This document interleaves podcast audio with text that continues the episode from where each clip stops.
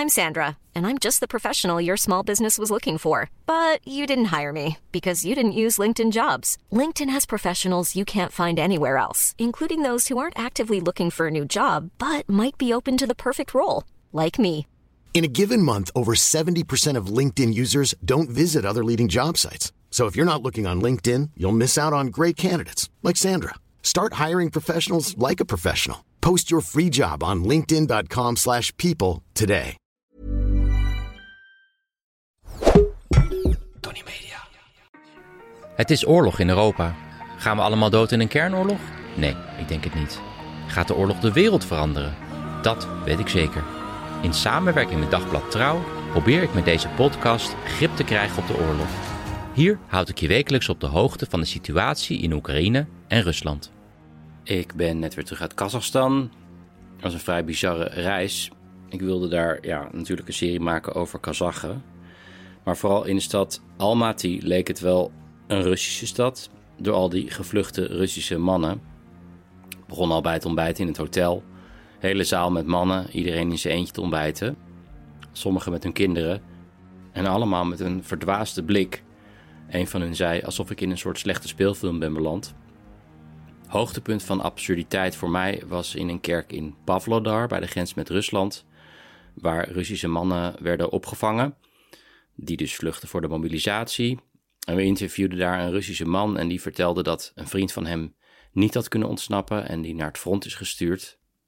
En hij kon hem al een week lang niet bereiken. En de eerste gemobiliseerden worden al in bodybags uh, teruggestuurd naar Rusland. Dus die jongen die barst in huilen uit. En op dat moment onderbrak iemand van de kerk het interview. We mochten niet meer verder filmen. Hij zei: De kerk is niet de plek om de waarheid te vertellen. Ja, prachtig citaat. Toen zijn we de kerk uitgegooid. Waarschijnlijk had die man wat Poetin-sympathieën. Hoe dan ook, dit is wat er gebeurde in week 35 van de oorlog. Gisteren is een Russisge straaljager neergestort op Russisch grondgebied in de stad Jeisk, vlakbij het front.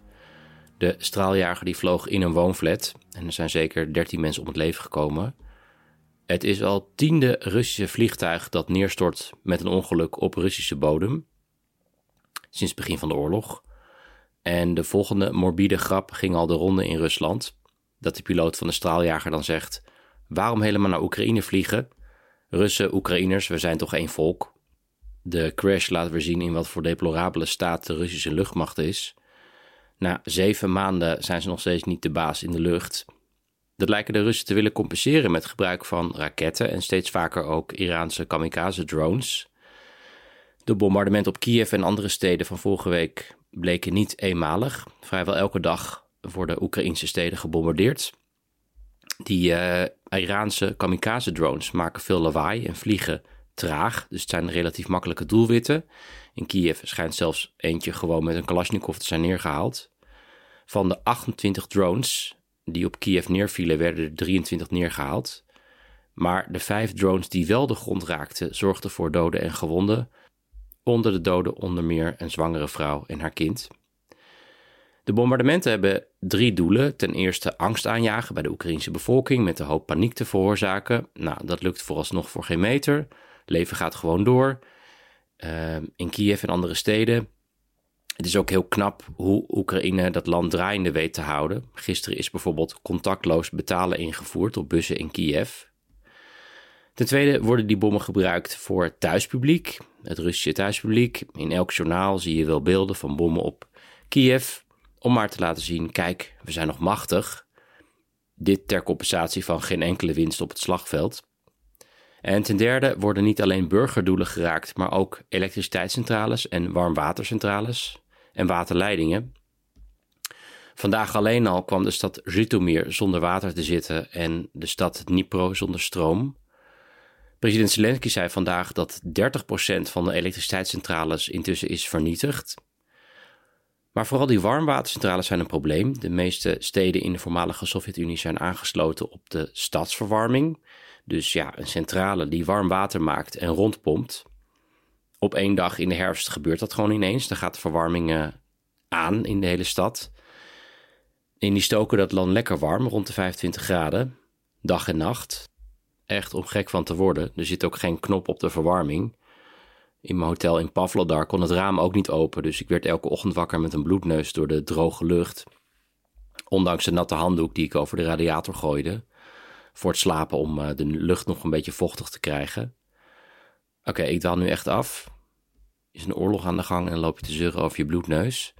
Um, ja, in ieder geval door die warmwatercentrales is het dus vrij makkelijk voor Rusland om hele steden in Oekraïne in de kou te laten zitten de komende winter. En dat is natuurlijk een probleem voor een land waar het regelmatig min 20 wordt. Gaan we door naar de Russische media.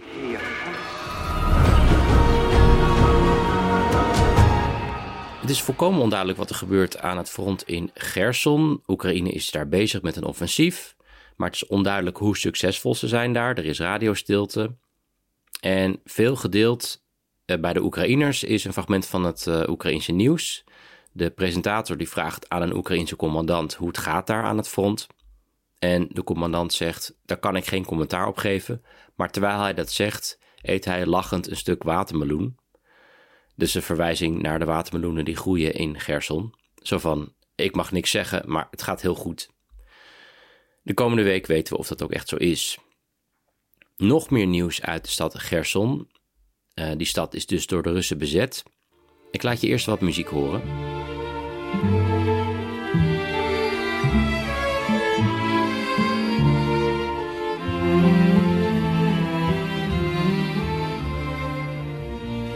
Hier het orkest van Mikola Kulish, een centrum voor muziek en theater in Gerson, gedirigeerd door Yuri Kerpatjenka.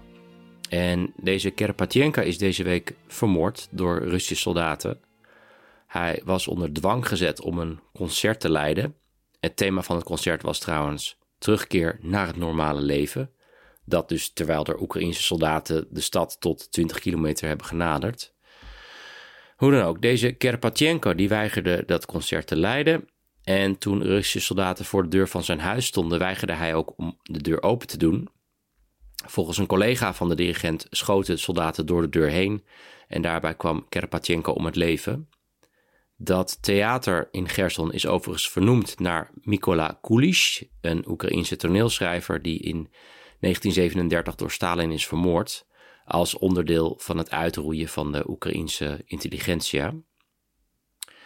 Trouwens nog even een reminder over de ooit in Nederland zo bejubelde dirigent Valery Gergiev.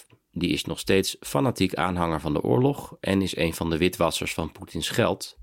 En is ook Nederlands staatsburger. Ik besteedde hier op dag 49 al uitgebreid aandacht aan. Dat kan je altijd nog even terugluisteren. Verder rommelt het bij de zogenaamde militaire bloggers van Rusland.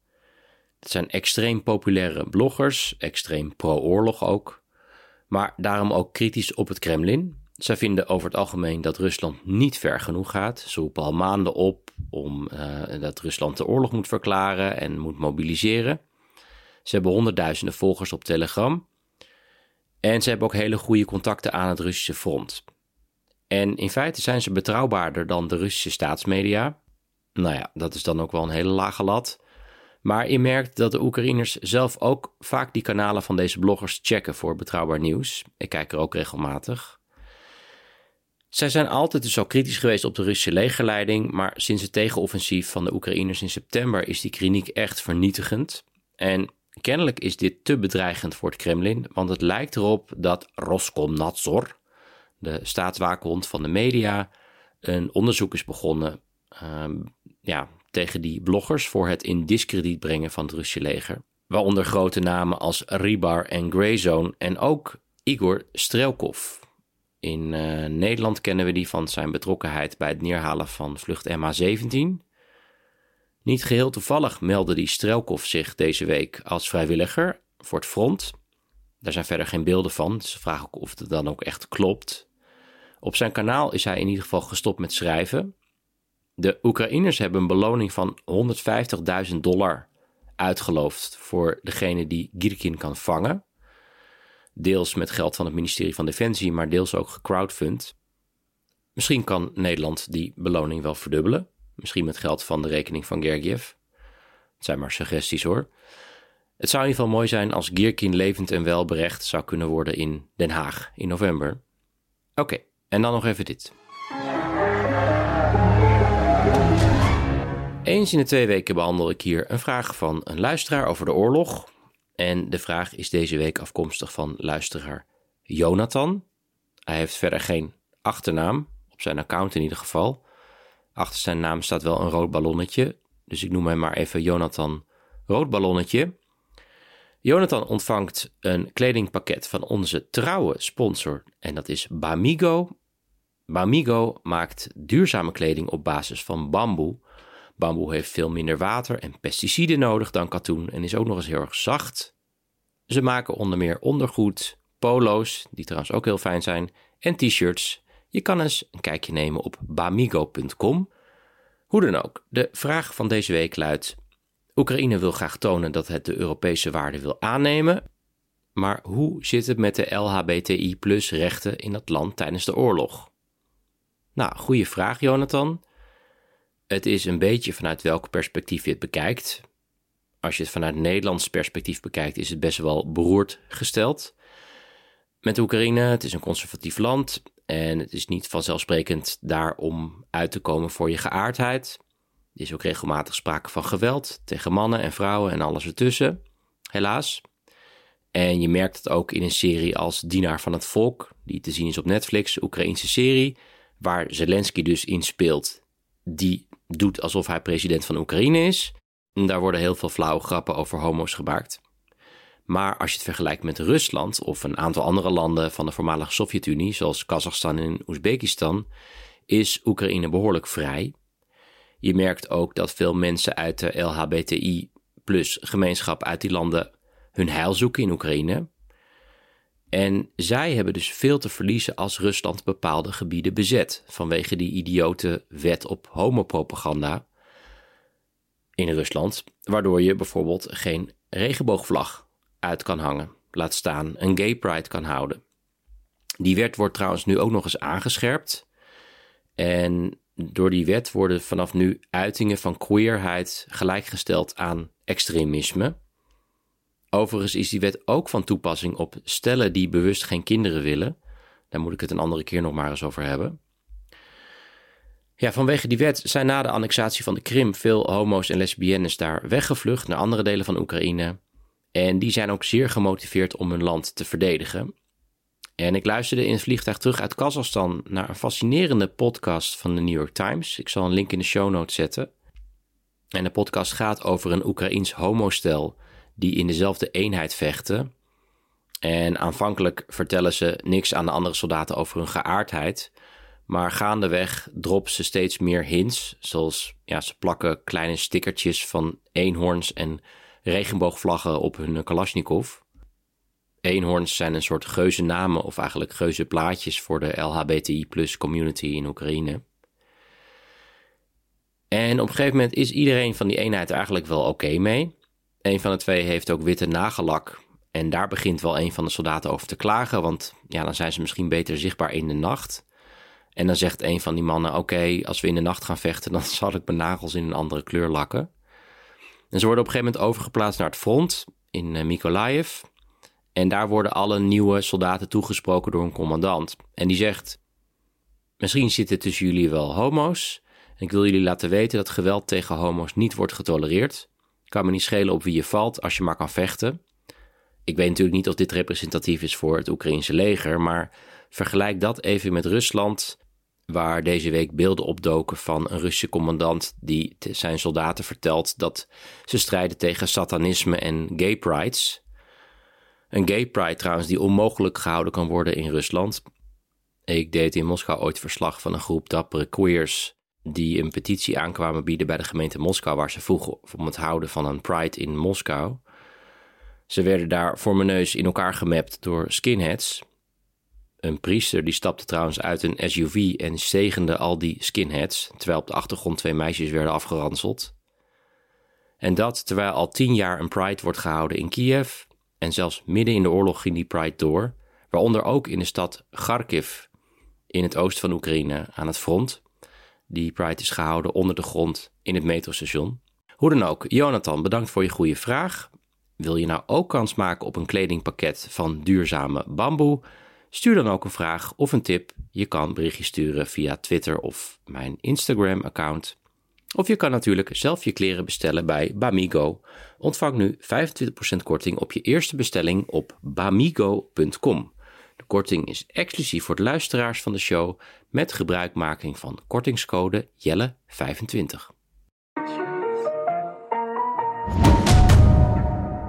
Het rommelt in de Caucasus. Aan de Russische kant zijn er opstanden tegen de mobilisatie van Russische mannen, vooral in Dagestan, eh, wat tot verzet daar leidde. En in de zuidelijke Caucasus heb je Armenië en Azerbeidzjan die op voet van oorlog staan vanwege een eh, enclave Nagorno-Karabakh.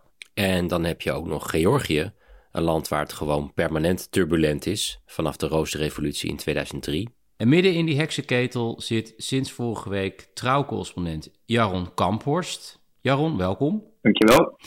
Hey, um, je hebt als standplaats gekozen Tbilisi, hoofdstad van Georgië. Je, je bent vorige week daar aangekomen, toch? Ja, uh, anderhalve week geleden op zaterdag. Ja, klopt. Oké, heb je al een huis? Nou, ik zit nu nog in een Airbnb en uh, ben op zoek naar een huis. En okay. dat is best wel ingewikkeld op het moment, omdat er dus zoveel Russische vluchtelingen hier zijn die oh, uit Rusland aankomen, waardoor de woningmarkt er onder druk staat. Ja. Iets minder makkelijk dan ik dacht. Je hebt te concurreren met al die vluchtende Russen. Exact. Oké, okay, nou ik hoop dat het lukt. Um, je bent daar, uh, je zit daar als voor trouw als correspondent voor de hele voormalige Sovjet-Unie. Maar waarom mm -hmm. koos je voor Tbilisi en niet bijvoorbeeld voor Moskou?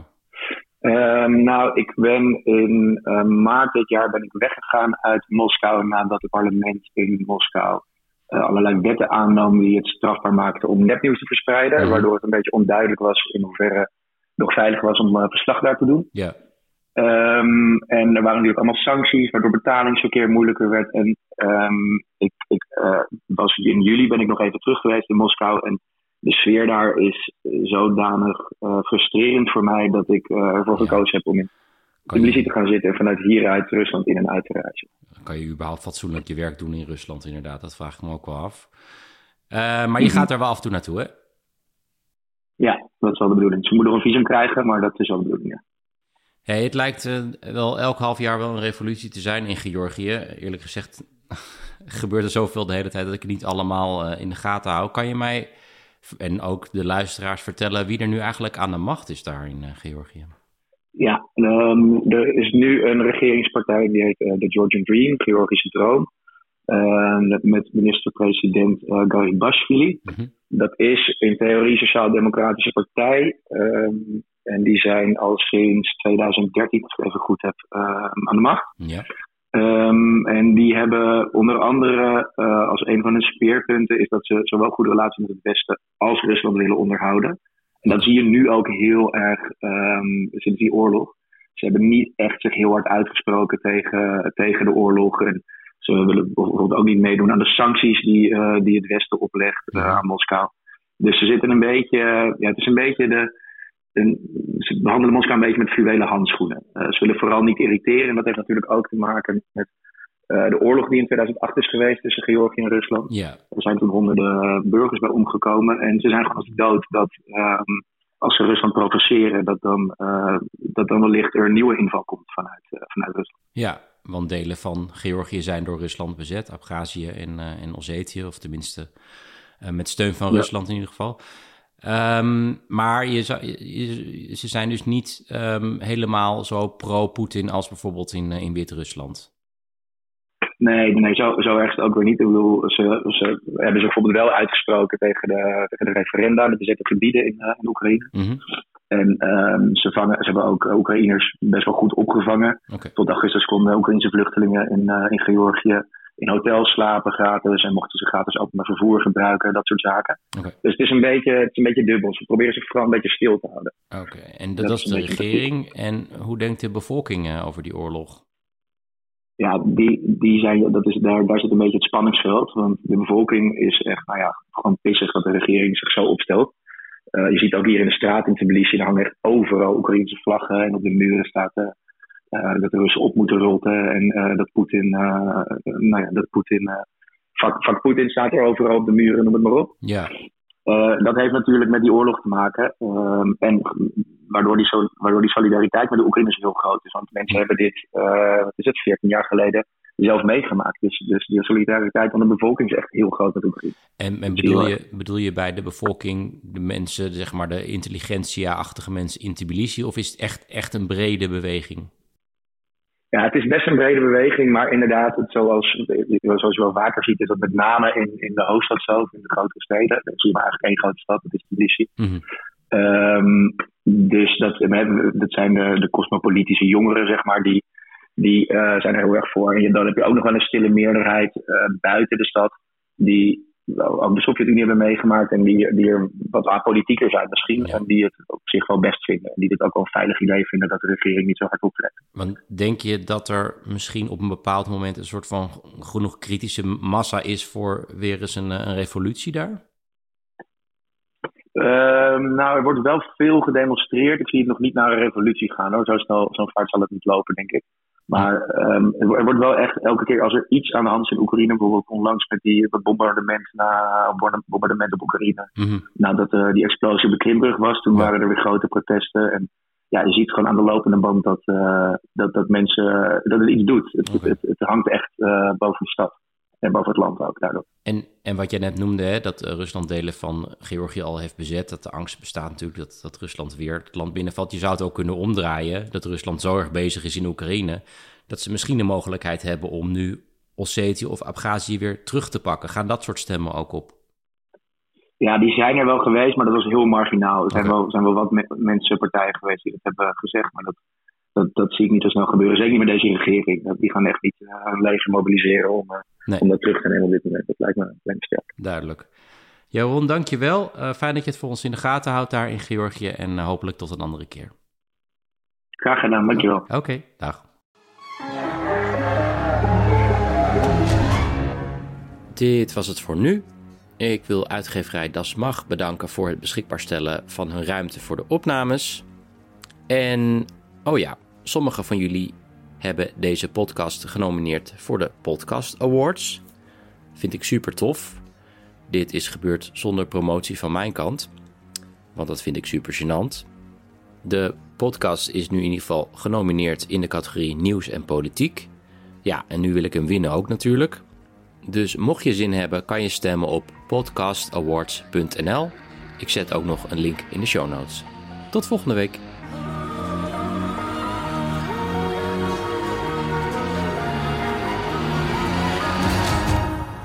Dit was een productie van Tony Media en Dagblad Trouw.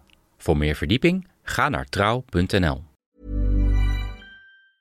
Hi, I'm Daniel, founder of Pretty Litter. Did you know cats tend to hide symptoms of sickness and pain? I learned this the hard way after losing my cat Gingy. So I created Pretty Litter, a health monitoring litter that helps detect early signs of illness by changing colors, saving you money and potentially your cat's life. Pretty Litter is veterinarian developed, and it's the easiest way to keep tabs on your fur baby's health right at home. Go to prettylitter.com and use code ACAST for 20% off your first order and a free cat toy. Terms and conditions apply. See site for details.